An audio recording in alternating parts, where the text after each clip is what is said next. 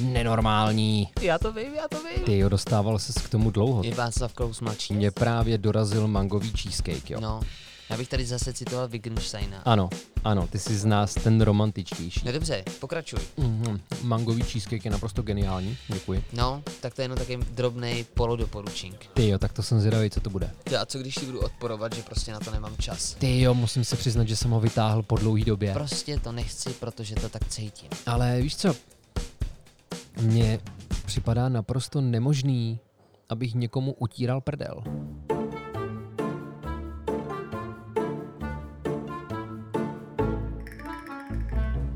Samozřejmě, abys taky nebyl. Moje dokonalá sestra byla taky taková a moje matka a otec byli tak pišní toho dne, co dostala svůj dopis. Já to vím, já to vím. Máme v rodině čarodějnici, není to skvělé?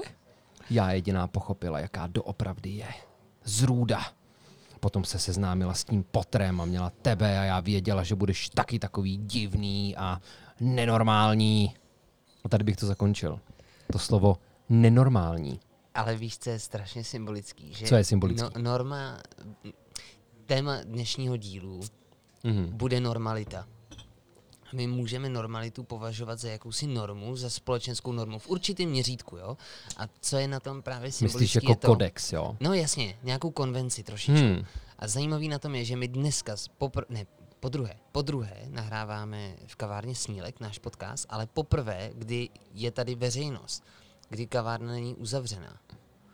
No tak A- hlavně předtím jsme to natáčeli s nima, že jo? No jasně, a to to, bylo je, u nich, o nich. a teď je to u nich, U nich, bez, Bez nich, jenom s námi a Ano. já tady mám svůj Chemex z promitě zpracované Keni. jo, ale počkej, já to jen dokončím. To, Mhm. to, co je symbolický, je, že poprvé jsem měl pocit, že jsi takový maličko přidušený. Že, a já to podle mě teď mám taky, jo, že se nesnažím mluvit tak výrazně. Já jsem mám teda záměrně zesídl mikrofony, aby Mhm. to nebylo poznat. Ale je to tam. Takže my vlastně nevědomně, nebo vědomně, podvědomně, já nevím, ale dodržujeme jakýsi konvence.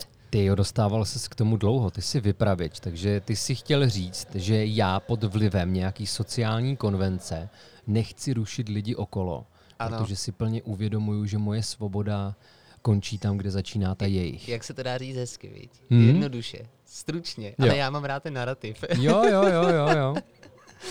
Dobře. A já bych rád vysvětlil, proč jsem tohle téma zvolil, jo. Protože ve mně vím, to počkej, ještě kvasilo ne, ne, hodně ne- dlouho. než- dobře, než to řekneš. dobře, dobře. Protože to je důležitý podle mě pro naše posluchače, protože oni se tím hned na začátek pobaví. To, jak to Filip zdůvodnil mě, tak já bych to pochopil tím způsobem, že, že za téma dnešního dílu a dnešní díl mu možná i budeme věnovat, je Tomio Okamura. Ty Tomio Okamura, ne, ne, ne, to nebyl Tomio Okamura. Ale víš, že jsi za mnou s tím přišel. Jo, Že jsi byl no. rozčílený. S chodou okolností si mi vyprávěl o jednom billboardu, který si snažil parafrázovat. Nevěděl jsi, jak to bylo přesně. A v tu chvilku já ho přesně citoval, protože ten billboard zase symbolicky byl za tebou. A dokonce Na byl synagoze. Někde, na synagoze, no a to je, to je na tom Nebo to vedle, syn, aby vedle. jsme Ale ji nekřivdili, byl vedle. Ale Byl už hned vedle plzeňský synagogy. není úplně košer. Ale byl na bi- billboard taky. Děkuju, děkuju. Mě právě dorazil mangový cheesecake, jo.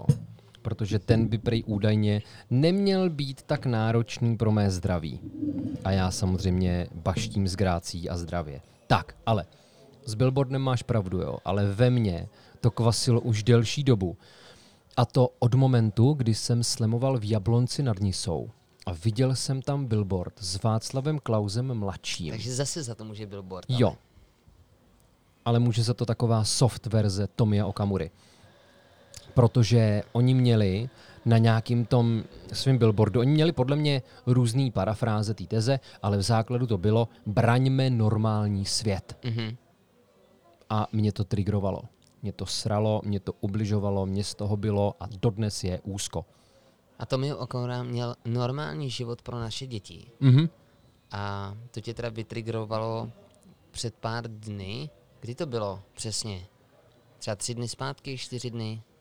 Já si myslím, že to bylo ve čtvrtek, dost možná, myslím, mm-hmm. že ve čtvrtek to bylo, protože ty jsi se pak šel podívat na mýho syna a my jsme Ano. spolu byli u Mityho. Já jsem si dal V60 a ty si zdal jako již tradičně cappuccino. Ano, to já jsem takový sladák totiž. Ano, ano, ty jsi z nás ten romantičtější. Ale víte co, přátelé, my vám musíme, trošku chronologicky to musíme srovnat, protože my jsme vydali v neděli díl, dneska je úterý, to znamená dva dny zpátky vyšel nový 62. díl, ve kterém Mhm. mm-hmm. jsme se bavili o Ludvíkovi, Mhm. mm-hmm. který v té době, kdy se natáčel podcast, nebyl na světě, Jo. ale ve chvíli, kdy jsme ten podcast vydali, tak už byl na světě. Ano, A to je na tom hrozně zajímavý. Tak jenom teď, abychom si trošku sladili velitelský čas. Tak Ludvík je na světě pět dní, ty vole, kámo. Víc. Můj syn je na světě týden a Ježiš, den. sorry, sorry. Narodil se, narodil se 26.7. Takže ve osm- 14.13, což je mimochodem magické datum, protože si Je, 26.7. víš, proč já jsem to řekl 14.13. špatně? Protože já jsem si pamatoval den, kdy jste přišli domů a z nějakých Mhm. mm-hmm. důvodů jsem měl pocit, že ten den se i narodil. Jo. No jasně, tak jo. No, tak jako člověk se svým způsobem rodí každý den, že? Se s východem a západem slunce. Tak Ludvík Tak. je mezi námi už. Ano, ano. Ale my jsme trošičku odbočili tak, jak je naší tradicí. Tradicí, ty vole. Václav Klaus mladší taky miluje tradice. Tam se to hemží tradicema. Já Ale jsem kvůli jako tomu v pohodě, koukal, A ty si řekl naší tradicí, takže to je v Ano. pořádku. tu jsme si my kodifikovali. Ano. Mimochodem termín kodifikace je taktéž důležitý v souvislosti s mormou. S mormou. S, v souvislosti s mormonama. Filip mi Norma. dneska předtím, než si dával kafe, tak mi říká, hele, vůbec není pravda to, že člověk trpí nějakou spánkovou deprivací. Není to pravda, máme hodnýho syna a teď se stáváme trošičku svědky toho, že to tak není, protože Filip se běžně nepřeřekává. Tak kámo, teď jsi se dopustil kauzální atribuce, protože mému přeřeknutí přisuzuješ úplně jiné příčiny, ale já ti to odpouštím a mezi tím si doliji svůj chemex, který je šťavnatý a chutný, ňam, ňam, ňam. Tak chtěl jsem říct, kodifikace souvisí s normou. To nás učili hned asi na první přednášce z lingvistické bohemistiky. Tři důležitý termíny jazyka jako takového. Úzus, norma, kodifikace. Úzus, to je zvyk. Mhm. Kdybych to měl demonstrovat na něčem v té češtině, jo, kde jsem se to učil já, tak lidi třeba budou tak dlouho psát by jsme, což se nepíše, ale budou to psát tak dlouho, až se z toho stane ta norma, Ježiš, protože já tady mám skvělý 90% lidí to bude dělat. Jo. A v ten moment jo, se z úzu stane norma. Norma je takzvaně závazná. My se ji musíme držet. A pokud se z úzu má stát norma, tak se to musí kodifikovat. Musí se to zapsat. Takže důsledkem kodifikace je vytvoření té normy. Ano. Z čeho si čerpal, Jiříku, Z čeho jsem pro své čerpal? studium normality? Já jsem si projel klasicky jenom internet a pak jsem teda projel i historii, protože jsem si říkal, jestli by nebylo hezký vpálit tam trošku rok 68, protože mi to přijde jako velmi důležitý připomenutí toho, jak se může eh, normalita zneužívat. Mm-hmm. Mangový cheesecake je naprosto geniální. Děkuji. Ale teď jsem ti chtěl říct, že existuje jenom na odlehčení. Já teda ho nebudu jmenovat, ty budeš vědět, o koho se jedná. A já ho nechci jmenovat toho důvodu, že bych Mhm. mm-hmm. nerad někoho špinil, ale zajímavý je, že mi to asociovalo při tom, co si tady říkal, že tady lidé budou tak dlouho něco dělat, až se to kodifikuje. V češtině třeba, Mhm. mm-hmm. u toho by jsme. Mimochodem, já už se to kodifikovalo, už je to, už je to spisovný, nebo Tvar ještě jsme. Já Mhm. doufám, že nikdy nebude, kámo. Já doufám, že tenhle podcast způsobí, že to odvrátíme, ten trend. Protože, a to je to, co se mi na tom nelíbí, já to vnímám jako přizpůsobování se debilům. Víš, že samozřejmě není norma jako norma, k tomu se ještě dostaneme. Ale aby se třeba nějaký principy to jazyka stejně jako měnily že jenom pro... Nech mě vlastně. domluvit, lásko. Jo? Já přemýšlím. Aby se nějaký principy jazyka měnily jenom proto, že lidi nejsou schopní se to naučit, tak to se mi teda nelíbí. Mhm, mhm. To je přizpůsobování hlupákům a to já odmítám. Kategoricky. A tohle to se Prosím. dá použít i v běžném životě, protože tady v Plzni máme jednoho moderátora, o kterém se říká, že on o sobě tak dlouho mluvil jako o moderátorovi, až se moderátorem stal. A mě to asociovalo při tom, co si mi tady vyprávěl. Ty jo, tak já si nejsem jistý, o kom mluvíš, tak si to pak řekneme. Ale znamená to, že já třeba budu tak dlouho říkat, že jsem tenista, až se stanu tenistou. No lidi si to o tobě budou myslet. U toho moderování je trošičku problém v tom, že Fake it till you make it. Ano. U toho moderování je problém, že ve chvíli, kdy nejsi dobrý moderátor, ale máš třeba No, co máš? Um, nutkání, vystupovat na veřejnosti, být... Exhibicionismus? Ano. Tak si myslím, že a chybí ti sebereflexe a mluvíš o sobě jako o moderátoře a mluvíš hmm. před důležitýma lidma, který ti dávají ty příležitosti, tak pak skutečně můžeš být vytěžovaný moderátor, když to, když budeš velmi špatný tenista a budeš jenom mluvit o tom, že jsi tenista. No počkej, ale když o tom budu mluvit třeba French Open je něco s tenisem? Ano, Takže když je před, Roland Garros. Jo, tak když o tom budu, když tam před manažerem budu říkat, já jsem tenista, vole. No, tak Kámeš, to právě kápe, nejde. Kámo? Hmm, protože tam si musíš kvalifikovat podle světového žebříčku. Víš, takže se tam nemůžu vemluvit, jo? Nejde to. Ale u toho moderování... Že bych se promluvil až do finále, že bych třeba řekl, hej, s tím letím já soupeřit jako nebudu, vole, někdo, ten na mě nemá, jestli kurva. je někdo, kdo by to mohl dokázat, tak si to ty, jako, že by si promluvil cestu do finále třeba Wimbledonu. skvělý. Ale kamaráde, ty jsi řekl, že jsi surfoval po internetu, jo? tak jo. já teďka vyndám to, z čeho jsem čerpal já, prosím. Takže zabav naše diváky, já si sáhnu do brašny jako Hermiona Grangerová. No, zabavit. Já, dokážeš mě poslouchat při tom, co budeš něco hledat, zvládáš tady tenhle ten multitasking, protože já si nejsem, Ježíši Kriste, to je bychle. Přátelé, já budu popisovat, co se tady právě to odehrává. My tady máme takový ma, malý stolečky, takový zahradní nábytek je to.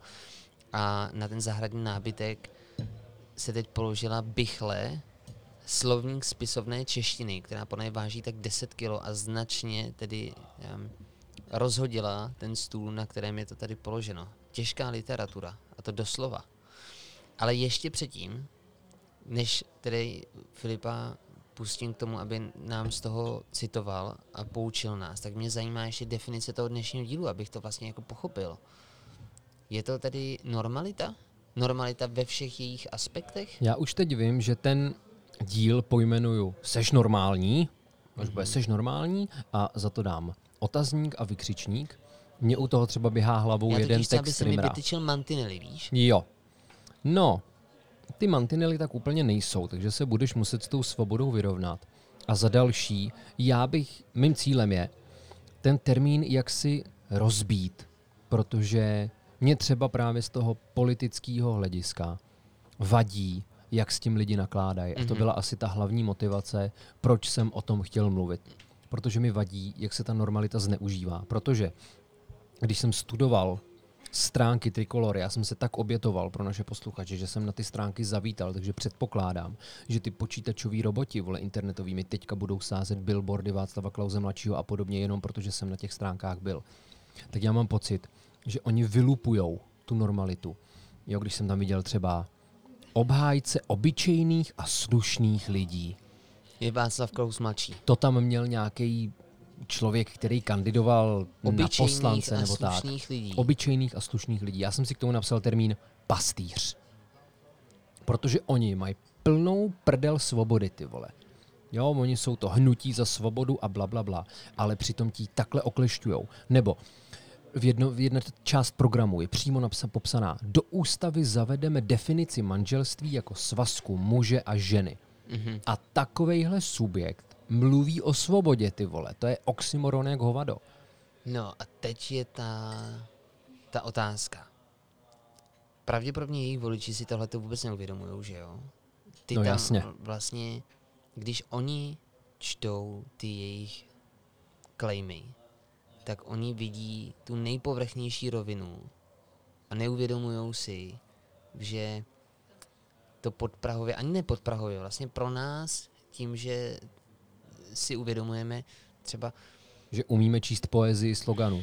No, a hlavně, že některé významy slov nejsou právě tak jednoznačný a nakládáme nebo já třeba se o to snažím, jo, ale vím, že ty třeba nakládáš se slovama jako se zbraní, nebo se zbraněma. Co to znamená, vole? Co to říkáš? dáváš pozor na to, jak je používáš.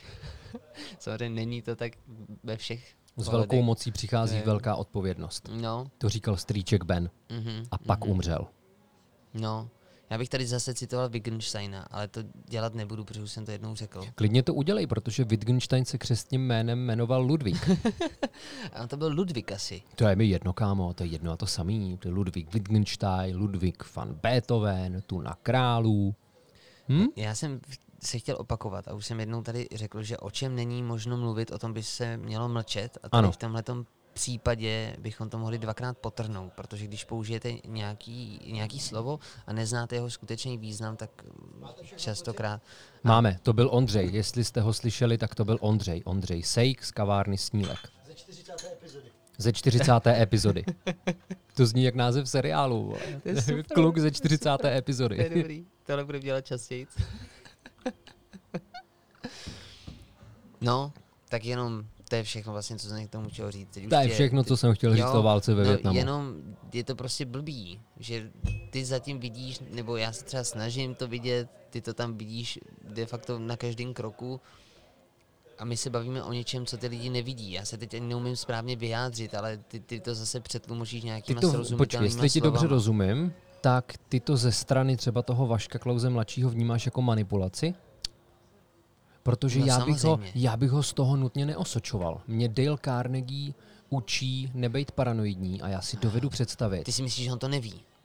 Že, se, že neví, že se dopouští demagogie a populismu. Demagogie a no, populismu, tím si nejsem úplně jistý. Ty vady, přece to nebude blbej člověk.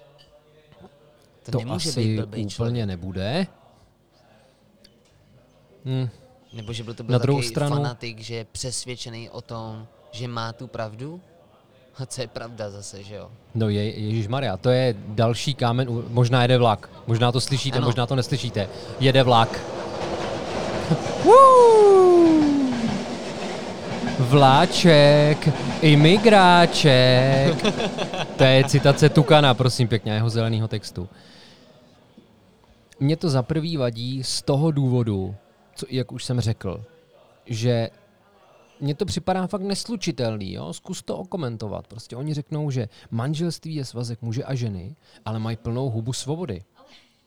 A co teda potom? Homosexuálové prostě nebudou mít ten svazek No já si manželský? myslím, že oni to vnímají jako zločin, jako porušení těch norem.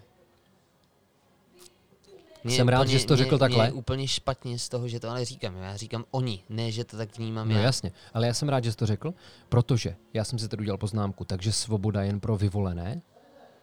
Oni prostě segregují společnost. Oni vytvářejí jakýsi ano. kastovní systém. Aha. A tu normu si definují podle sebe na základě nějakého zvyku, což je v pořádku. Ale já doufám, že během tohoto dílu dojdeme k tomu, že norma se dá vytvářet několika možnými způsoby a myslím si, že ten, který způsob je potřeba aplikovat na patřičný kontext. Mm-hmm. A v tomhle případě mi to, jak normalitu pojímá Václav Klaus mladší a jemu podobný, je, já jsem si tu napsal, teď to hledám, jo, zpátečnický, rigidní, protievoluční. Já mám pocit, na mě to dýchá tak, že oni chtějí, aby se ten svět zastavil v nějaký moment. Jakože teď zmáčkneme off a ten svět už se nebude hejbat. A bude to navždycky takový. A podle mě tohle, když si člověk nechá pustit do hlavy ten pocit, že se svět přestane měnit, tak v ten moment člověk umře. Protože, No a to už se zase dostáváme k našemu prvnímu dílu a k Heraklejtovi, Pantarej, prostě vše plyne a všechno se mění. A adaptace na tu permanentní změnu je podle mě takřka jediný způsob aspoň trošku spokojený existence. Ty. Friedrich Nietzsche Já si- napsal kdysi knihu Proč jsem tak chytrý. Kdybych byl zběhlejší v historii, a on nám určitě zase nějaký posluchač napoví, tak já si myslím, že i kdybychom chtěli třeba tu oblast homosexuality podepřít nějakou historickou tradicí, že se to neslučuje s nějakým soužitím muže a ženy, tak tam si myslím, že je obrovský paradox, protože třeba antika je dodnes vnímaná jako vrchol nějakého lidského rozvoje, Mhm. Teď nechci říct, že technologicky jsme byli, byli nejvíš, to samozřejmě je nesmysl, ale co se týká nějakého jako naplnění lidského potenciálu. No na druhou stranu době- třeba Aristoteles, díky němu víme, že země není placatá a dneska vole dostávají v médiích prostor Jasně. lidi, kteří věří, že země je placatá. Jo, pak vlastně renesance, že jo, se snažila navázat na antiku a já mám pocit, že právě Řecko a posléze i Řím, tak homosexuální svazky tam byly na denním pořádku.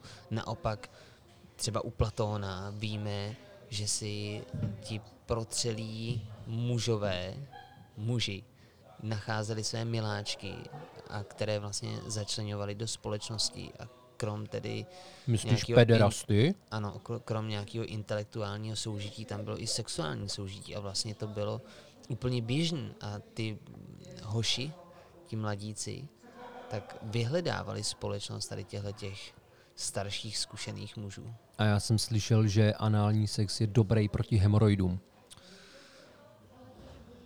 No, tak já doufám, že se objeví i nějaký jiný praktiky. Já si když prevence. tak obětuju, Jirko. Kdyby náhodou. Aha. no dobře, pokračuj. Já jsem překvapený, že jsme se tady tedy a po tom, co si vrhl na stůl tu těžkou bychli slovní spisovné češtiny, dostali k politice. No, já v tomhle totiž souhlasím s Tukanem. Já si myslím, že politika prostupuje úplně všechno. Kdysi jsem se bavil s jednou naší de facto spolužačkou, jo? Ty jsi byl na Gimplu v Dčku, já jsem byl v Cčku, ona byla v Ačku a ona mi jednou řekla, nevěřím v politiku. A já jsem měl chutí profackovat. Budeme, Tohle- budeme eh, Nebudeme jí Nebudeme. jmenovat, já ti pak řeknu, kdo to byl. Ona je jinak super, ona je strašně hodná, Aha. ale tohle je prostě ultimátní kokotina, dospělá, ty vole. dospěla. Hmm, já nevím, ona mi to řekla třeba čtyři roky naspátek. To je za tu dobu se může změnit tolik věcí, To je asi sebe. pravda, no. Hm, co Jsi- máš na jsi mysli, ještě, vole? Ještě, ještě před devíti dnama si neměl dítě. No počkej, měl jsem ho, bylo v bříšku a čekalo na mě. Tak ještě před rokem si netušil, že se něco takového stane. Jo, to je pravda. To je pravda. Já teprve zítra, od zítřka na zpátek rok, potkám svoji holku. A já jsem, a mě Filip kvůli tomu zanedbal. On jel vlakem, slíbil mi, že mi ve vlaku pošle anotaci na uši pusy Majka, neposlal mi to. A pak Ale to je až 6. září, A kámo. pak, to bylo ještě později. Jo, jo, nebyla jo. tenhle ten okamžik. Ne, 4. srpna jsem si jenom řekl, uuu. A já jsem mu to tenkrát prominul jenom proto, že mi popsal mm, zásah Amorova šípu. Jo. No. Já se naposledy možná vyjádřím k té trikoloře, potažmo SPD, protože já jsem si tady stvořil takovou definici a pak už bych šel po těch konkrétních ano. koncepcích a definicích normality. Jo, protože když jsem nad tím přemýšlel, tak jsem došel k závěru. Mám pocit, že ty lidi z těchto těch hnutí to vnímají tak, že normální je to, co za normální považuju. Takže oni jsou ten normativní subjekt. Mhm. Oni jsou ti, kteří rozhodují o tom, Tě, to je co je normální. A potom, normální je to, na co jsem zvyklý. Což je ale taky velmi krátkozraký. A myslím si, že krátkozrakost je jeden z určujících rysů těchto politiků. Mhm. Tak, jestli k tomu nic nemáš, tak už se můžeme vrhnout dál. Pojďme dál. Dobře, tak. Ty jsi zmiňoval ten slovník spisovní češtiny, ale já tady pak ještě mám psychopatologii pro právníky, protože z toho jsem se učil a dodnes, když jdu na záchod, tak si to občas beru sebou. A tam jsem objevil pět typů, nebo pět možností, jak přistupovat k tomu, co je Jak mám Taky normální. pět. Tak Máš jich taky pět, jo? odškrtávat, Tak to jestli- budeme jestli to srovnávat. Oni samozřejmě si myslím, že úplně všude, v jakýkoliv učebnici psychopatologie a podobně, zjistíš, že koncepce a definice normality není jednotná. Protože ona z podstaty asi nemůže být jednotná. Protože si myslím, že to, co je normální, se neustále proměňuje. Já si myslím, že celý dnešní díl končí tak, že normalita neexistuje a že nikdo z nás není normální. Ale každý jsme normální sami vůči sobě. No tak jo, tak můžu, jestli si na to teďka přišel, tak to můžeme ukončit. Tenhle díl bude mít nějakých 20 minut, vole, a já si dopiju své A kafíčko. já mám rád tu cestu. Já Jo. mám rád tu cestu. To, v tom by s tebou souhlasil Petr Ludvík. Což není ten správný Ludvík, o kterém budu mluvit v souvislosti se svým synem, jo, protože můj syn má křestní jméno Ludvík. Tak. A. E, Není to jednotný teda. A potom, ale. Co je podstatný a od čeho se podle mě můžeme klidně odpíchnout? My potřebujeme mít představu o tom, co je normální, abychom věděli, co je nenormální. Takže my teoreticky pro definici normálního můžeme přejít k tomu, co je nenormální. A právě proto jsem citoval Harryho Pottera a Kámen mudrců, kdy Petunie si stěžuje na to, že ona odhalila tu svoji sestru a zjistila, že není normální. Skoro po půl hodině víme, proč jsme začali tím letět. To je skvělý. No, Já si myslím, že všichni už zapomněli. tak tam bylo to nenormální, ne?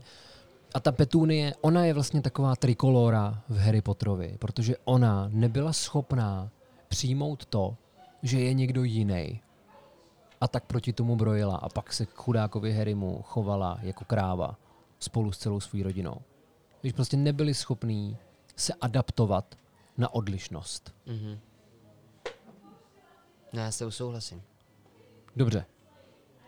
Tak jo, ale ta myšlenka je dobrá, ne? Je, Víš, je jako, skvělá, ty si chtěl, abych tě pochválil. Ne, ne, ne, Promiň, ne, ne, promiň. jenom že, Dobrá myšlenka. Líbí se mi, jaké přirovnání si k tomu našel.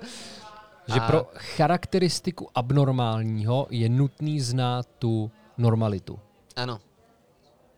Jasně, dává mi to smysl. Jo, řekli, ti- řekli ti třeba někdy rodiče nebo někdo jiný, jako ty nejsi normální.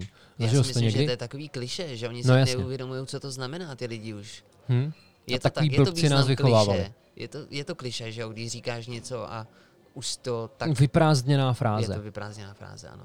Byl třeba Rimmer, můj slemový kolega, který už ten slem ale moc nedělá, tak on v, jednu, v jednom textu má jdi do svého pokoje a vrať se, až budeš normální. A myslím si, že kapitán Demos snad takhle pojmenoval i jedno své album, ale tím si nejsem jistý. Hmm. Měli, vrať se, až budeš normální. Tam pak narážíme zase, to už si zmiňoval, ten proces normalizace. V tom pokoji by mělo dojít k normalizaci, aby ten potomek se stal normální. Protože důsledkem normalizace má být to, že budeš normální. Ale co to znamená, vole, ve východní ideologii, a tou východní nemyslím žádný buddhismus nebo hinduismus, ale skurvenou imitaci komunismu, tak co je tam normální, to radši ani nechci vědět. Ale dobře, my jsme se shodli, že máme teda pět hledisek, jak k té normě přistupovat. Co tam máš, Jirko? Já Co jsi objevil? Statické pojetí. Možná můžeme... Nechtěl jsi říct náhodou statistické? Já jsem to přepisoval doslovně, bylo tam statické. Je to divný, nedává to smysl, viď? ale statistické pojetí... No to statické, to by mi korespondovalo Jako, s tou trikolorou, ale jo, No, jo, to- rigidita.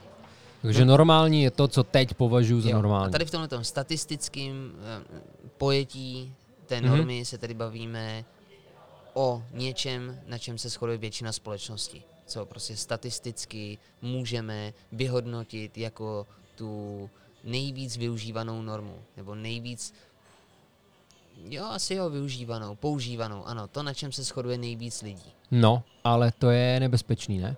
No samozřejmě, já Že neříkám, že to kdyby, je vole, správná 90% varianta. společnosti mělo pocit, že je dobrý chodit po ulici s kudlou a podřezávat Mhm. mm-hmm. každýho, kdo má zelený oči, tak už je to podle mě komplikovaný. Ano, Dovedeš minimálně vymyslet nějaký... Při... lidi. No. Mimochodem zelený oči jsou údajně anomálie. Oči v základu jsou buď hnědý, nebo modrý.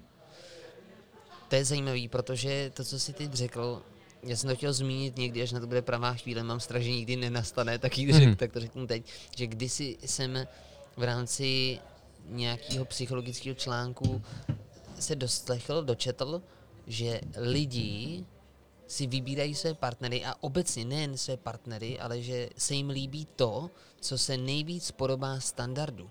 To znamená, že ve chvíli, kdy se ti líbí, nebo většina lidí to má, takže pokud se jim líbí nějaký člověk, tak ten člověk splňuje ty největší, nejvíc klasický jako rysy třeba z hlediska nějaký anatomie.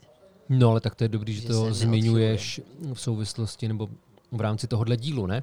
Protože norma se překrývá s termínem standard. Ale zase pozor, jo, není to, není to tak, že by to tak měl každý. A je to subjektivní? Je to subjektivní, ale kdybychom to právě brali z toho statistického hlediska, tak to tak je. Že nejvíce lidem líbí lidi, kteří se nejmín odchylují od standardu. Protože já jsem divnej třeba, že jo? No, Jako co nevy, nevypadám Co normálně. teprv já? Já nevím, tak ty jsi docela symetrický, ne? A hlavně mi přijde, že teda ty seš čím dál hezčí. Jo, že si myslím, že na Gimplu si byl takový opičáček trošku, ale... Teď by volala naše společná kamarádka, tu asi můžu jako jmenovat, volala mi Evča Korejsová a z nějakého důvodu měla nutkání, ono to určitě vyplynulo, já teď říkám, že z nějakého důvodu, ale ono to měl nějaký opodstatnění, tak mi řekla, že mě, jestli mě nenapadl zase nějaký blbej nápad. A já jsem se ptal, jaký blbej nápad. A ona, no třeba takový, jako že by se zvoholil, víš? A je teda pravda, že když jsem se na své 30. narozeniny oholil jako vtípek, tak mi spousta lidí vytkla, že takovou hloupost už nikdy nemám dělat, takže jsem se vrátil v tu chvíli na Gimple a jo, tohle to bych asi podepsal. Hm? Nesmím se holit. pojď dál, pojď dál. Já už nevím, co je dál, kámo. Asi pojďme, Já nevím, co je takhle, vpředu, co víme tedy, vzadu. co je statistické pojetí. No, Můžeme tak se to je průměr. Dál? To je průměr, statistika. Ano. Jenže co, v ten moment, myslím si, že v rámci tohohle dílu není problematický používat slovo úchylka, jo? protože úchylka je každá ta abnormita. A teď si vem, kdyby jsme to hodnotili právě takhle statisticky, z hlediska. Gaussovy křivky, tak třeba ty fakt talentovaný lidi budou abnormální, No jasně. protože tím standardem by byla šeť průměru. Tak ono vlastně i géniové, že jo, víme o nich, že většinou tu svoji genialitu měli vykoupenou. Duševní abnormitou? No, ne duševní, ale to mohla být, i podívej se na Hawkinga, že jo. Ten trpěl i nevyléčitelnou nemocí. Ale to nevím, jestli je adekvátní přirovnání, protože to není něco, co on by si vybral, že jo, nebo protože by to bylo důsledkem té geniality. Protože mám To- pocit, to že ne. mnohdy ta genialita je třeba externalita k té duševní podivnosti. Víš, že my jsme tady Jo, tuším jo, jo. zmiňovali Kanta, který dnešním prismatem by určitě skončil jako nějaký autista. Protože ten měl ty svoje standardy denní, vole. Ano, Chodil ano. potom Královec, to byl? Královec, ano. No, tak musel vstávat ve stejnou dobu, musel chodit stejnou cestou Hmm, hmm, hmm, hmm. a myslím si, že to jde ruku v ruce s tou jeho genialitou, Jo, ale to, jo. že Hawking měl tu Já to myslel, že se pak víc zamě... amyotrofická laterální skleróza, to, je to nevím, takhle? to nevím, ale o to víc se pak zaměřoval na tu vědeckou oblast, takhle jsem tam myslel. A on to tak je nějaký i jeho citát, myslím, který budu nějak parafrázovat, nějak zkomolím, ale že v jakékoliv životní situaci si můžete najít něco, v čem budete vynikat. Takže jsem tam myslel tak, že přesunutí pozornosti. jo, dobrá. Můžeme jít dál? Já tady mám další. Jo, jenom já bych k tomuhle dodal, abychom to nějak zakončili, že je teda i potřeba kvalitativních determinant, nejenom těch kvantitativních. Pojďme to trošku tady tohleto kvalitativní determinant. Tedy Jo, no protože to, co si popsal, to je kvantitativní, že? Ano, jasně. ale my potřebujeme ty konkrétní kvality. A Nám kvalita v tomhle, to kvalitní neznamená nutně jako dobrý nebo špatný. že používáme odborné výrazy a oni tomu A tak protože jsme odborníci, že jo? No, to, to jsme, já jsem teda odborník na slovo vzatej. Ale tedy kvalitativní determinanty, to znamená něco, co má tu, jasně ty to vysvětlím skvěle, tu kvalitu a ovlivňuje nás to. Determinuje nás to, tedy ovlivňuje nás to a nes, není to na úkor tedy množství, ale na úkor nějaké věcnosti. No, tu kvalitu si představme jako nějaký měřený atribut třeba. Mhm. Jo, jak už jsem zmiňoval, třeba to podřezávání. Jo, v momentě, kdy 80% obyvatel bude vyznávat fašismus, tak rozhodně nelze tvrdit, že tahle ta normalita je správná. To prostě dobrý není. A to je podle mě to kvalitativní Mhm, hledisko. mhm. Dobře. Tak, Sociokulturní pojetí. Máš tam něco podobného? Dovedu si představit, že by... Počkej, já tady předám dopitý kafíčko. já Myslíš, se Ondro, teď cítím jak nějakým sportovním kláním. jo. Že nás někdo chodí občersovat, to je Myslíš, dobrý. Ondro, že bych si mohl dát ještě jedno espresso? Mimochodem. Single, single, dám si single. Děkuju, Kromě, děkuju. kromě Benji Brew bylo období, kdy jsem si dával espresso. Výborně, A výborně. ty to víš? Espresso jsem u tebe zažil. Jo, espresso si umím Espresso taky. patronum. Ano, espresso. Tak je to espresso, no. Dobře. Dobře. Hele, Sociokulturní pojetí. sociokulturní pojetí Tedy podle mě od... za normy to, co je ve společnosti obvyklé. Mhm. Já si myslím, že to by se mohlo překrývat s tím, co já tady mám díky učebnici psychopatologie, pojmenovaný jako normativní hledisko. Protože když je něco normativní, tak to určuje tu normu. Já to tady mám taky, normativní pojetí. A to tady mám vysvětlen trošičku jiným způsobem, že jsou to předem stanovené normy, které odpovídají jak jedinci, tak ale následně i normám celospolečenským. Mhm. Jako rozdělení na nějaký subjektivní, objektivní? No a zásadní je tedy, že jsou stanovené předem ty normy. Což je zároveň problematický, protože nevíme, kdo je stanovuje. Že? Ty jo, tak to potom ale nevím, na co bych napasoval, tu sociokulturní normu. Jo, protože já tady pak mám třeba psychiatrickou diagnózu a to už je porovnávání s nějakýma tabulkama třeba. A nějaký, o tom jsme se krásně normálnost v našem funkcí. 61. díle. Myslíš s panem psychiatrem? Ano. No. Dobře, no tak co je teda to sociokulturní? Já jsem řekl Přibliž to, to. to, co je ve společnosti obvyklý. To, A co máš se tam nějaký příklad? Děje. Nemám tady příklad, ale myslím si, že třeba Když mě zajímá, jestli jsou to takové drobnosti, jakože když, myslím, jo, že když někam přijdeš, tak řekneš dobrý den. ano. Jo, prostě to, na čem se jako shodneme a bereme to za normu. A myslíš, že by se tam dalo schovat třeba i desatero božích přikázání? Jako nezabiješ, nepokradeš, nesesmilníš, cti Myslím- otce myslím- svého i myslím- matku myslím svou. si, že by se to tam dalo schovat. V tomhle případě jo, protože věřím tomu, že se na desateru přikázání většinová společnost shodne. Jsou tam teda určitý body, které jsou který by vyžadovali shodný. nějakou aktualizaci. myslím, třeba nesesmilný, že by se mělo nějakým způsobem Samozřejmě. třeba dát v nějaký počet období polyamorie ví- je komplikovaný. Více než třeba. Jo, nebudeš mít více než pět sexuálních partnerů. Za rok. Hm? Dobře. Máš dobře, k tomuhle dobře, ještě něco, Nemám. Jiříku? Nemám k tomu vůbec nic. Já tady mám teda potom tu psychiatrickou diagnózu. Jo, protože já tady pak mám ještě další ty pojetí. No to jo, mám. já myslel, jestli máš ještě něco k té sociokulturní. Ne, ne, ne. Dobře, já tady mám tu psychiatrickou diagnózu. U toho jsem si pojmenoval, že to je problém sebereflexe anomálí, protože, a to už jsme teda zjišťovali s naším panem psychiatrem. Děkuju, děkuju. Ek- Expresso dorazilo. Promiňte zpracovanou Rwandu. A už jsem ti vyprávěl, že jsem tady zažil tu bramborovou anomálii. Koho mi to vyprávěl celý? Jo, Že je to zajímavý? To bylo hodně zajímavý, přátelé. R- je Rwanda jediná odrůda, která nám může zařídit tenhle ten bramborový defekt, se to jmenuje. Ano, ale Bramborový ještě defekt. Ještě Burundi, dobře. To byla totální bomba teda, protože dokud to bylo horký, Vůbec tak jsem to nedokázal poznat. Ale jakmile to kafe stydlo, tak jsem tam cítil ty brambory, ten škrop, nebo co to bylo. A bylo to teda Brambor. Ohromně nechutný, ale já jsem rád, že jsem to zažil. Hm. No, Takže vám všem doporučuji, abyste zažili bramborový defekt.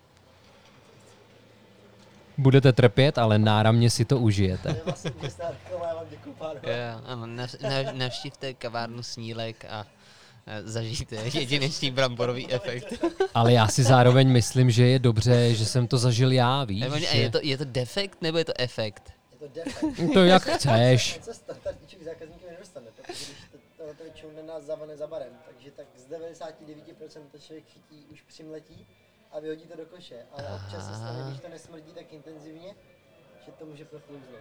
Je vidět, že budeme muset přidat další kávovou epizodu, protože tohle začíná vypadat velmi zajímavě. A ta se bude jmenovat bramborový defekt, ale to Dčko bude v závorce. Takže Ano. kdo chce, ten to bude vnímat jako bramborový efekt. Ale abychom to usoustažnili s naším dílem, který je o tom, co je normální, Tak tohle je tak bramborový defekt je anomálie. Je to kávová anomálie. Ano. Neděje se to standardně.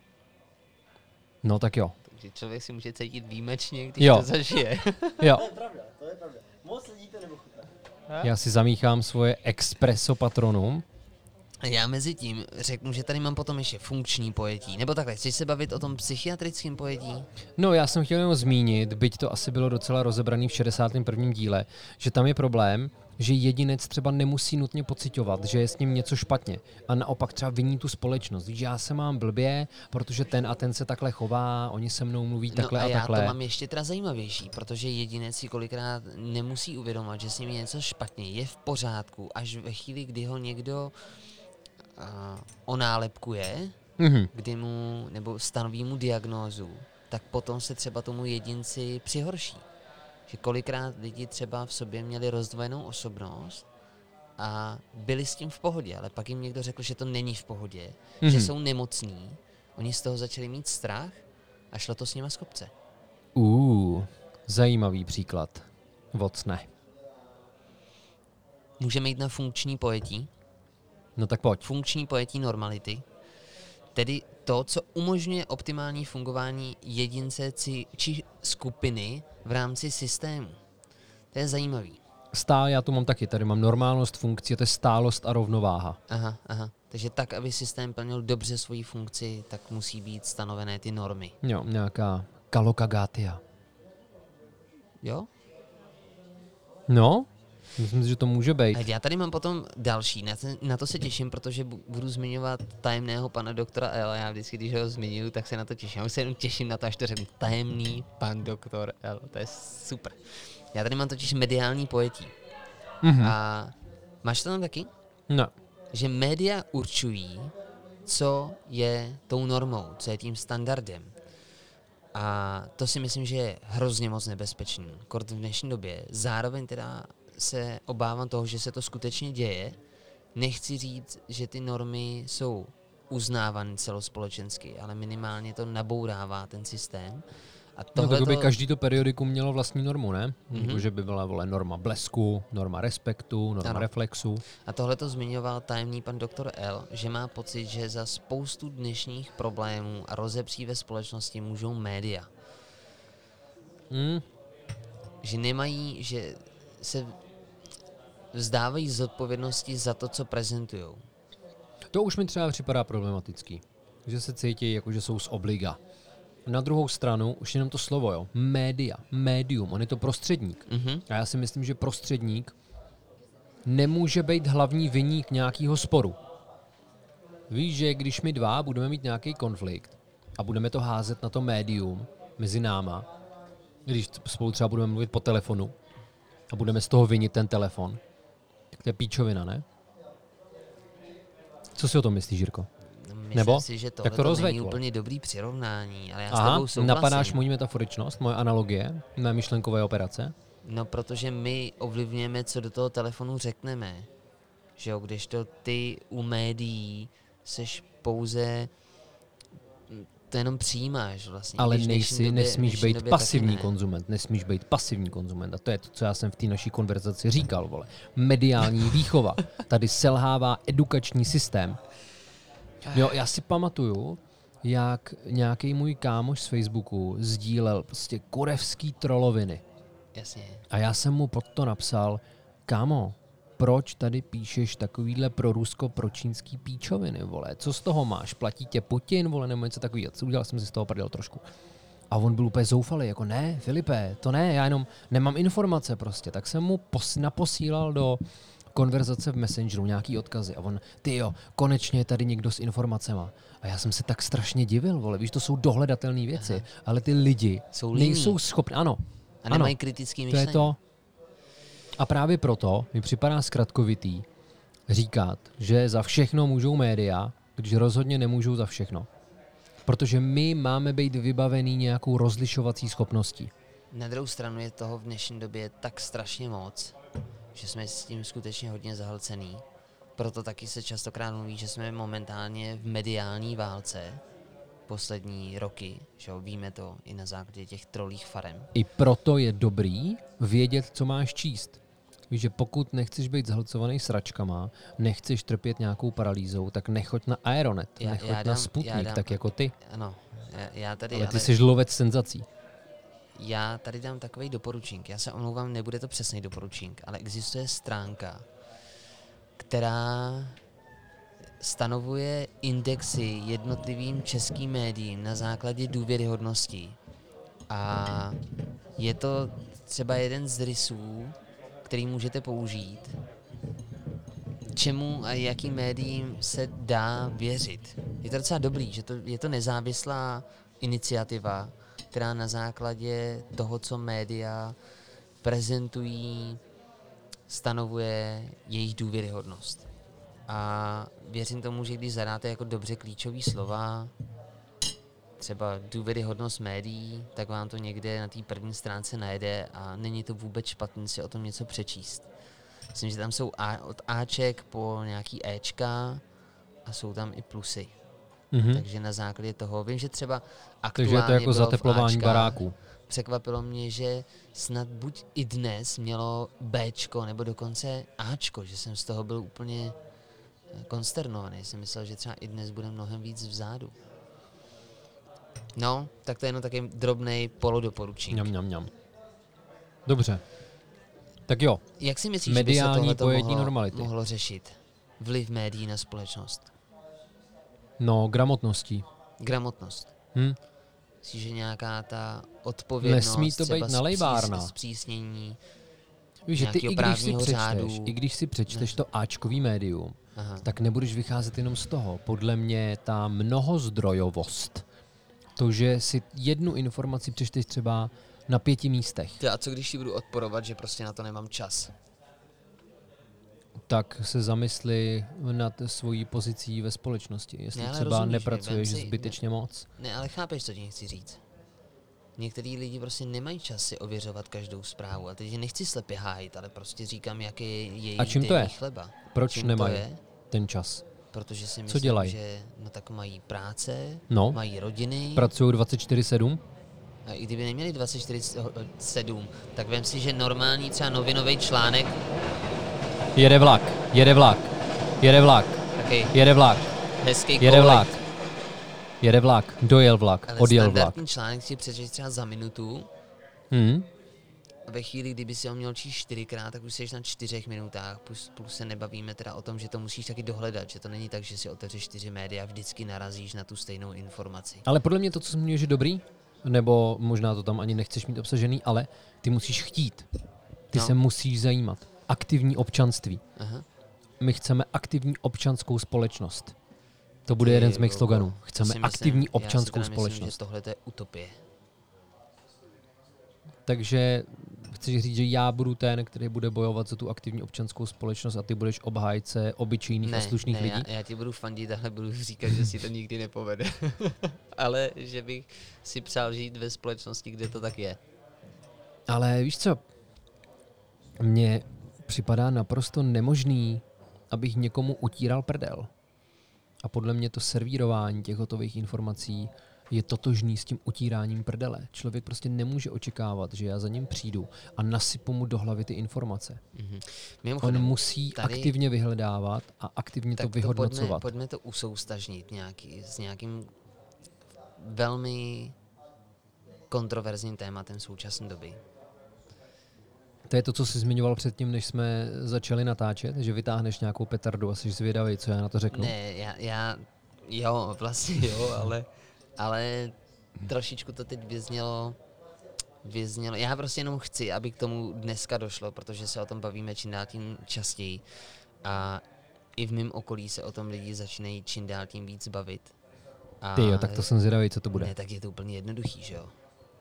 Já jsem chtěl i v souvislosti právě s médiem a se šířením mm-hmm. dezinformací a s kritickým myšlením Mhm. zmínit očkování. Očkování. Mhm. No, vím, já, pro jsem nedávno, To... Pojďme do toho. Ano, já už tě nechám mluvit. já jsem měl autem, z a jedné akce. Mimochodem Filip ří. Filip ale já jsem neřídil. Řidič. Já jsem neřídil, já jsem byl spolujezdec. A, Což bylo v tu chvilku asi bezpečnější. a já jsem se tam s těma lidma bavil o očkování právě. O tom, že mě čeká druhá dávka, týpek, který seděl vedle mě, tak eh, bohužel má nějakou, nějaký zvláštní druh boreliozy, takže se mu to odsouvá Mhm, a mhm. týpek, který seděl za mnou, tak toho den na to čekala druhá dávka. A holčina, která seděla vzadu, pronesla něco na způsob, ty jo, já ve svém okolí nemám jedinýho očkovaného člověka. A mě to, jak už jsem dneska řekl, v souvislosti s něčím jiným, totálně vytrigrovalo, protože ona to říkala jako, no já jsem čistá, no já jsem výjimečná, jsem obklopená, obklopená super čupr lidma. A na to konto se rozvířila debata, přičemž ona uh, už v půlce říkala, já se o tom s tebou bavit nebudu, protože se budeme hádat. A já jsem jí teda nechal být, ale bylo vidět, že mě to zajímá, že se o tom bavit chci. A já jsem tam pronášel větu, že prostě nechápu, jak jinak se chceme toho viru zbavit, protože jede vlak, jede vlak, jede vlak, jede vlak, jede vlak, možná směr Cheb, Něk, někdo směr chce, Cheb anebo Klatovy. někdo tě chce zastavit, Jedno někdo tě chce ano. zastavit, Ano, aby si to, to, to, je nahlas. osud, to byl, to byl fatalistický vlak. No, já jsem v tom, v té konverzaci zmiňoval, že nevím, jakým jiným způsobem než očkování se momentálně můžeme vyhnout třeba další vlně, jak to vymítit. A říkal jsem, že pokud neexistují mutace, musí být proočkovaných 70% populace, pokud existují mutace a oni existují, tak musí být proočkovaných 90% populace. A To je, ta holčina... Tady se hodí to statistický pojetí. Jo. Ale je v tom i ta kvalita. A víme, proč to děláme. A v tom autě seděla jenom ta holka, ta už se k tomu nevyjadřovala, a její chlapec to trošku překrucoval, ty informace. A chtěl se asi té holky zastat a začal mluvit o tom, jak nedůvěřuje moderní medicíně. A na to konto já jsem musel poupravit, že tohle vůbec není debata o moderní medicíně. Tohle je mm, mm, debata o tom, jak se vyhnout dalšímu šíření a podobně. A na to konto on řekl, že na to názor úplně nemá, ale že je alibista a že je vlastně rád, že lidi kolem něj se očkujou, ale že on je k tomu skeptický. A mě mrzelo, že já jsem byl vlastně jediný v tom autě, který šel do konfrontace, protože když oni pak vystoupili, tak mi řidič auta říkal, že on má stejný názor jako já, jenom se s těma lidma nechtěl bavit, protože působili přesvědčeně, a že když ten týpek kritizoval moderní medicínu, tak on měl chuť mu kontrovat, proč se teda dneska lidi dožívají třeba tak vysokého věku, No, když ještě dekády naspátek třeba se dožívali 35 let. A ještě za mnou teda seděl týpek, jehož matka je farmaceutka a on to okomentoval tak, že já respektuju, že se o tom tady ta holka nechce bavit, ale já stojím za Filipem a to i proto, že moje mamka je farmaceutka a má přímý informace. Jasně, A jasně. na to konto já jsem tam ještě argumentoval tím, že ta vakcína není nová. Děkuju, děkuju. Já už jsem dojedl svůj mangový cheesecake a teď je odnášený talířek. Ta vakcína není nová, že jo? To je nějaká ta No vakcína jasně, prostě proti SARSu, vyvíjela která je nějak a adaptovaná. Jenom, ano, přesně. Já třeba ze začátku jsem samozřejmě z toho měl obavy. Měl jsem obavy z toho důvodu, že právě společnost byla strašně rozdvojená. A Jak jídlu nic, děkuju. zavírá, to je nepříjemná situace, ale já jsem najedený a spokojený. Tak to je krásné, děkuji. My děkujeme. Já jsem z toho měl taky obavy, ale měl jsem obavy z toho, že ta společnost o tom tak pochybovala, protože ze začátku jsem o tom nepochyboval vůbec, pak najednou, že na, na Facebooku máš různý druhy sociálních bublin, takže tam jako došla nějaká konfrontace, pak i v médiích si se do, dočítal jako občas takový ty poplašné zprávy, kde uh, bylo, že někdo měl krevní sražení, na základě toho zemřeli, tak jsem vlastně udělal to, co se, to, co si myslím, že by měl udělat každý člověk. A to, že jsem si udělal prostě rešerši, podíval jsem se na ty odborní zdroje. No a co když na tohle, Jirko, někdo nemá čas? No, kdy, když no, třeba hodně pozor, pracuje? Pozor, ale tam jsme se bavili o tom, že se budeme bavit, jestli vyhrál ve Francii volby ten nebo ten. A že ty nemáš čas si tu uh, informaci ověřovat čtyřikrát, ale ve chvíli, kdy se ty sám rozhoduješ o něčem, co se tě týká, tak si myslím, že si ten čas uděláš. Já věřím tomu, že tady je jako značný rozdíl mezi tím, co jsem říkal a co mám na mysli teď. To se týká bezprostředně mě, tam to se mě může týkat, ale vzdáleně, přes tři kolena. To na mě bude mít dopad. Tady jsem si já potřeboval rozhodnout, jestli to chci nebo nechci udělat. No a pro mě to vlastně v tu chvilku bylo jasný. Že jako bezprostřední ohrožení tvého osudu je No, pro co- tebe co se impulzem základě- informovanosti. No nejen, ale tam je jako nespochybnitelné to, že chci získat ty informace. Dobře.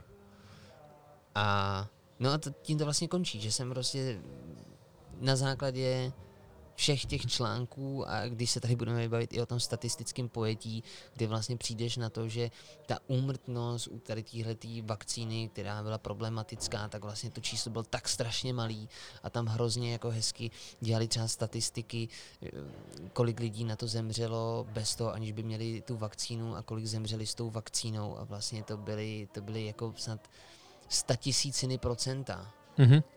Na základě toho, kolik bylo podaných těch dávek a vlastně to číslo bylo tak hrozně zanedbatelný, že se to ani nedalo považovat za něco problematického v té velké míře. Mě v souvislosti no. s tímhle ten kámoš, který řídil, ještě říkal hrozně hezkou věc, kterou bych rád zmínil. Jo. A to tu, že rok na zpátek, a ještě, ještě dál možná, v počátcích té pan, pandemie, on myslel na to, jak by byl rád, kdyby se stvořila nějaká vakcína a že měl ano. pocit, že ta společnost je jaksi jednotná v tom, že musí přijít nějaké řešení. A ono to řešení přišlo, třeba o rok později, a ta společnost je stejně polarizovaná. Jasně. A někdo odmítá tu nejpravděpodobnější možnost léčby společnosti, mm-hmm. ale sám nenabízí jiný alternativy. Mm-hmm. Jasně, a to je chápu. další věc, která mi vadí. A možná, že s tím souvisí třeba i to, že mám pocit, že některý lidi mají tak zvrácenou mysl, že zkrátka potřebují být v opozici proto, Jasně, aby byli v opozici. S tím souhlasím, s tím souhlasím, myslím že to tak je. To, čemu já ještě moc nerozumím, je, že když se spousty lidí zeptáš na to, proč se nechtějí nechat uh, očkovat, a oni ti dají ve směs jako strašně lichý argumenty, který nemají nějaký pevný základ a ty jim naopak nabízíš, no, vyvracíš jim to a podkládáš to nějakýma odbornýma zdrojema nebo datama, tak oni to nechtějí přijmout, že to končí tak, no ale já prostě tomu nevěřím. Prostě to nechci, protože to tak cítím. A já tomu no, tak to je ten věčný boj emocionality, racionality, ne? Oni no. si totiž lidi myslí, že ta jejich intuice je kompas, který je dovede k tomu Aha. pokladu. A je to samozřejmě kundovina na entou. Já teda nespochybnuju intuici, jo? Mnohdy to může jasně, být dobrý, ale určitě. neplatí to bez zbytku. No a pak je další věc, kdy tedy se budeme bavit o tom, že to je obrovský biznis a o tom, že nás někdo očipovat a ovládnout a a já teda nevím, co ještě. V tenhle tam... moment mi přijde dobrý zmínit, že by se ty lidi měli zamyslet nad vlastní důležitostí. Já si myslím, že tím hrozně nafukují vlastní důležitost Aha. a mají pocit, že Bill Gates jim chce vidět do obejváku, vole, na sídlišti jako v Lochotně do sedmého patra třeba. díky tomu, že 90% lidí má Windows vidí, že jo a ty data, které se, ať se podívají na dokument Cambridge Analytics, to je super, si myslím, že tam je to docela jako hezky popsaný, ale to se týká zase Facebooku, ale nic, to, čemu, co mně přijde fascinující, že oni si myslí, že je to jako nějaký celosvětový spiknutí a já si nedovedu představit, že by se představitelé všech zemí, a ať už se bavíme o demokratických režimech nebo totalitních režimech, tak aby se vlastně shodli na tom, že teď celý svět jako naočkujeme, abychom pak mohli ty lidi ovládat. Že by byli zajedno třeba by Kim Jong-un, Vladimír Putin, tak. vole, Jasně. Macron, Aha. Merkelová, jo. Jarda Jágr. Jo, jo. A ten jako další paradox je, že tady přece máme jako strašně silný autonomní státy z hlediska své historie který vždycky se snažili tou vlastní cestou. To máme nějaký severský země Mám nebo Švýcarsko. Svět jinak vymyšlený. A tam je právě zajímavý, že ty lidi tomu věří, že asi tady jsou skutečně nějaký iluminu, ilumináti, nebo já nevím, kdo ještě, ale mě už, to přijde, už to přijde tak strašně ujetý, že tohle přece nemůže někdo myslet vážně. Jasně, jako shodneme se na tom, že um, peníze ovládají svět z velké míry, ano, ale tohle, jakože by fakt všichni, a nenašel se jediný, nenašel se jediný stát, který by řekl, ne, my v tomhle tom nepojedeme a zbouřil se, tak to hmm, Tak možná můžeme smysl. nějaký jiný díl věnovat konspiračním teoriím. To by bylo pěkný. Ale ty jsi tohle teda nadhodil, protože ti to nepřijde normální, jo? No já jsem třeba překvapený, nebo já jsem i byl zvědavý, jak k tomu přistoupíš ty, Vím, že já jsem třeba na počátku měl o očkování velký debaty s tajemným panem doktorem L, který si nechtěl dát. Který pak ale získal možnost mít vakcínu zadarmo, vole a rychle, tak na to skočil, viď? No, já si myslím, že jsem ho tak do toho trošku vmanipuloval. Aha. Že jsem na něj vytvořil taky nepřímý nátlak, mm. protože někdy, když teda přišla nabídka na očkování, že můžu být jako náhradník mm. a jestli teda chci, tak ať jako si jedu a dám si jí. Tak teda takhle, přiznám se úplně otevřeně, že jsem se zeptal na to, co to je za vakcínu. A když mi bylo řečeno, že to je Pfizer, tak jsem jako říkal, no jasně, tak jako kde, kdy mám být a chtěl jsem to hned. Hmm. A jo. prosím tě, proč si to zařídil tajemnému panu doktorovi L a ne mě? To je jenom tak na okraj? Já se přiznám, že já jsem s tebou pak o tom nějak mluvil, ale... Ale to bylo v momentě, kdy už tajemný pan doktor jo. L vole byl naočkovaný prostě. Filip zůstal s obliga. Tak mě to trápí. Ale já si asi jo? myslím, že i v té době jsem nevěděl, jaký stanovisko k tomu zaujmeš. A třeba jsem nevěděl, že budeš tak ortodoxní v některých názorech. Já jsem třeba nevěděl, že tě tohleto téma, neočkovanost některých lidí nebo odmítání očkování bude tak trigrovat. Mně se líbí to slovo, možná jsem ho Hmm. hmm. použil úplně poprvé, trigrovat. Tak protože já bych se rád už natrvalo, a ono to stejně asi nebude možný, vrátil do toho normálního života a jinou variantu úplně nevidím.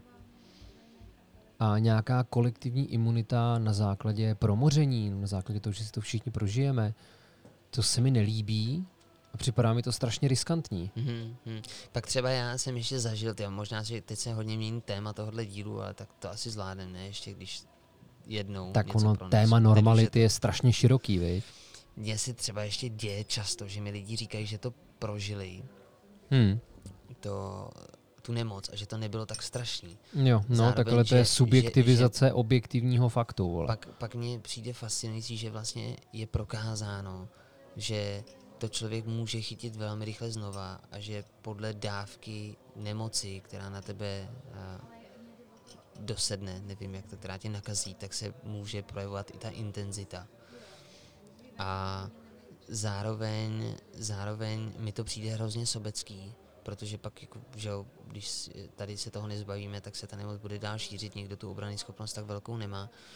A bohužel v mém okolí byli i lidi, kteří nebyli nějak vážně nemocní a umřeli na to. A těch případů neřekl bych, že to jsou jednotky. A stejně jsou lidi, kteří ti řeknou, že je covid vymyšlený.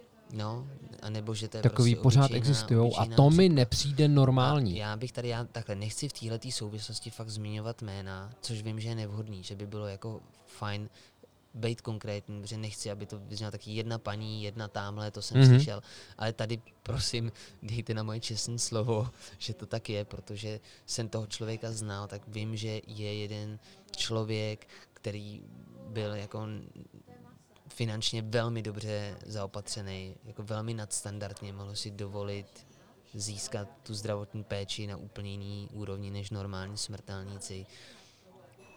Pokud mám správné informace, tak nebyl nějak vážně nemocný a ve chvíli, tuhle tu nemoc dostal a sehnal si nějaký ty nejdražší léky, který mohl, tak vlastně s tím bojoval tři měsíce a po třech měsících zemřel. A jako v tu chvilku, kdy jsem se i tohle to dozvěděl, a já už jsem teda v té době byl očkovaný, měl jsem za sebou první dávku, aniž bych tohle to věděl, tak pak jsem si jenom říkal, ty vogo, tak když i lidi, který mají tak obrovskou jako možnost té zdravotní péče, která je nám eh, nepřístupná a vlastně se tomu nedokázali ubránit, tak jako to už přece nemůžeme eh, relativizovat. No a stejně jsou tady lidi, kteří to dělají a ty jsou mimo tu Gaussovu křivku a proto jsou abnormální. Na to by mohlo fungovat to statistické hledisko a zároveň vzhledem k míře konspiračních teorií a myšlenek, které je obklopujou a okupujou, tak bych je nadspal i do té psychiatrické diagnózy. V ten moment mám pocit, že u nich nedokází k adekvátní normálnosti funkcí. A pak je tady pátý hledisko, který já jsem ještě nezmínil, a to je ideální forma existence osobnosti. A s tím souvisí jak ta rovnováha, kterou už jsme zmiňovali, tak integrace některých věcí, stálost té osobnosti. A důležité ale si říct, že nelze tvrdit, že každý neideální člověk je zároveň nenormální. Protože ty, když třeba z psychopatologického hlediska definuješ zdravou osobnost, tak ty tam máš tu normální a pak máš ještě takzvaně akcentovanou. Mhm. A to jsem třeba já, si myslím. Víš, já nejsem úplně normální, ale ještě to není tak špatný, aby se o mě dalo říct, že jsem patologický. Aha, Já jsem akcentovaný. jo. A to se zase dostáváme k dámě, kterou už jsem zmiňoval kdysi. Ona o mě řekla, že jsem příjemně zvláštní. Hm? Eh, O kolik posluchačů si myslí, že jsme posledních 15 minut přišli? Těžko říct, ale můžou se nám ozvat. Titulek by mohl znít Uši pusy Mike není normální, nechal se očkovat. Jo, to by mohl. Někdo by nám třeba mohl napsat, hoši, vole, vám už nepomůže ani výluch z borovicových větví, já s váma končím a zavřu se ve svém srubu uprostřed borového háje. Ano. Ty to mě mrzí, že jsem nevěděl, že, že mi dáš tak velkou možnost se o tomhle tématu bavit, protože bych si připravil ty některé statusy, jak přítelkyně trpí a prosí o radu na sociálních sítích, protože má pocit, že její přítel se začíná chovat divně a že se očkuje, že, že z něj vychází špatná energie a že teda jako má strach, že po druhý válce, válce po druhý válce?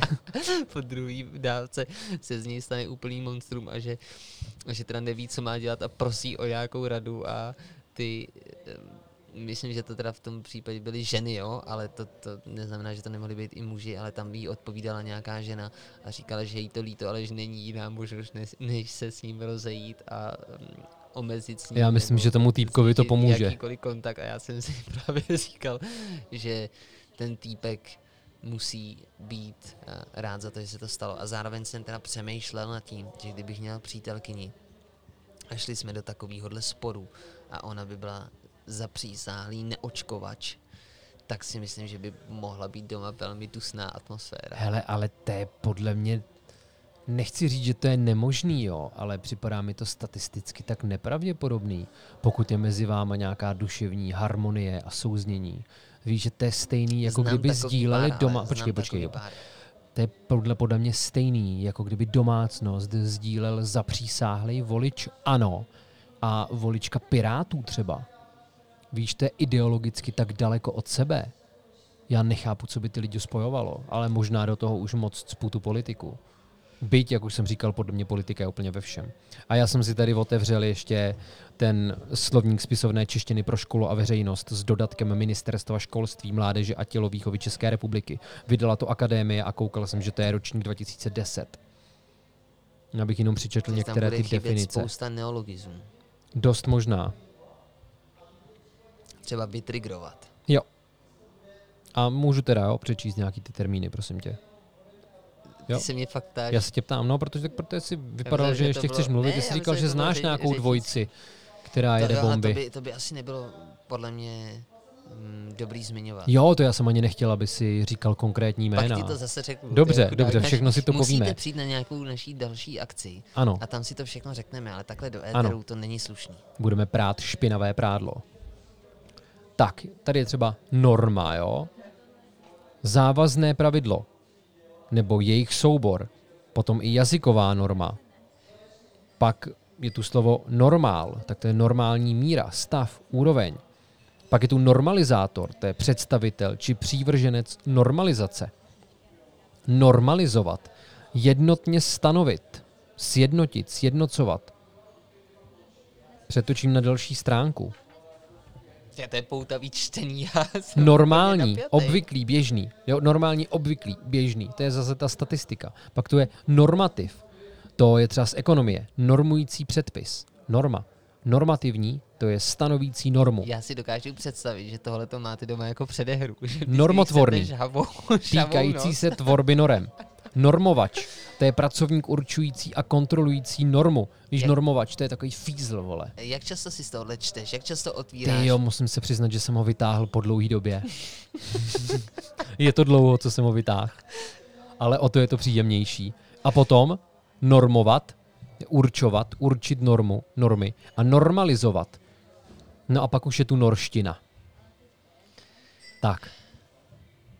Takže s normou se dá dělat leracos, přátelé. Stanovisko řekl Jirka už asi v 18. minutě. A teď vidíte, že jsem měl Bylo pravdu. to těžké téma, bylo to těžké téma. Trošku chaotické. Maličko. Ale, mým cí, ale já si myslím, že to jinak nejde, jo? protože ta normalita je prostě komplikovaná a mě právě vadějí ty lidi, kteří si ji berou do huby a tvrděj, že ví, co je normální. Mm-hmm. Jo, jasně, já už jsem říkal, je to otázka kontextu. V nějakém kontextu můžeme říct, že tohle je normální, tohle není normální. To znamená, že bychom to dneska mohli zakončit tím, nebuďte se být nenormální. Nebuďte se? Nebuďte se ne, být, být nenormální? Já, ta únava přešla na mě. Já jsem Aha. ti dodal, víš, ezotericky teď. Jasně. poslal jsem ti Transport, energii. transfer. Ano. Nebojte se být nenormální. Ověřujte si informace. Ověřujte si fakta, vole. Uh. DJ Knír. Počkej, já se teď snažím předat nějaký moudro velký. Promiň. Teď jsem zapomněl, co jsem říkal. Zjišťujte si informace. informace. Pičte se po té pravdě. Pičte se? Pi, pi, Co to je pičtovat se, vole? O píčit Ne, se. to jsem už neřekl, ale to už jsem neřekl. Promiň, No, jsi mě nakazil tím svým omlouváním. omlouval jsem se dneska hodně. Ne, Já v minulosti. spočítám. Já Budeme jsem rád, že to pan sebou Flašku a psychiatr... vždycky, když řeknu omlouvám se, tak se budeme muset, ne, ten, kdo to řekne, ne, počkej, ty budeš mít jiný slovo. Ty budeš mít, nevím, ještě, Metafyzika? Vymyslet. Metafyzika. A já budu pít za omlouvám se. Jo. No, já se omlouvám. Chtěl jsi být moudrej. Já si myslím, že snad existuje nějaká kniha, ale to bych kecal. Tuším, že se jmenuje Bejt normální je na hovno. Ano. A já teda chci upozornit naše posluchače, že Spotify přichází s novou funkcí a neočkovaní nebudou mít přístup. Takže pokud chcete dál poslouchat tu UPM,